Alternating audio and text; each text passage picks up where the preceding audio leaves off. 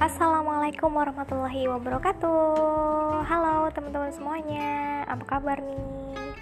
Alhamdulillah Ini adalah podcast baru kita Dengan nickname Sebelum Pamit Nah Kenapa kita pilih nama sebelum pamit? Karena pada dasarnya setiap manusia ini akan pamit pada waktunya dan kita menyadari itu.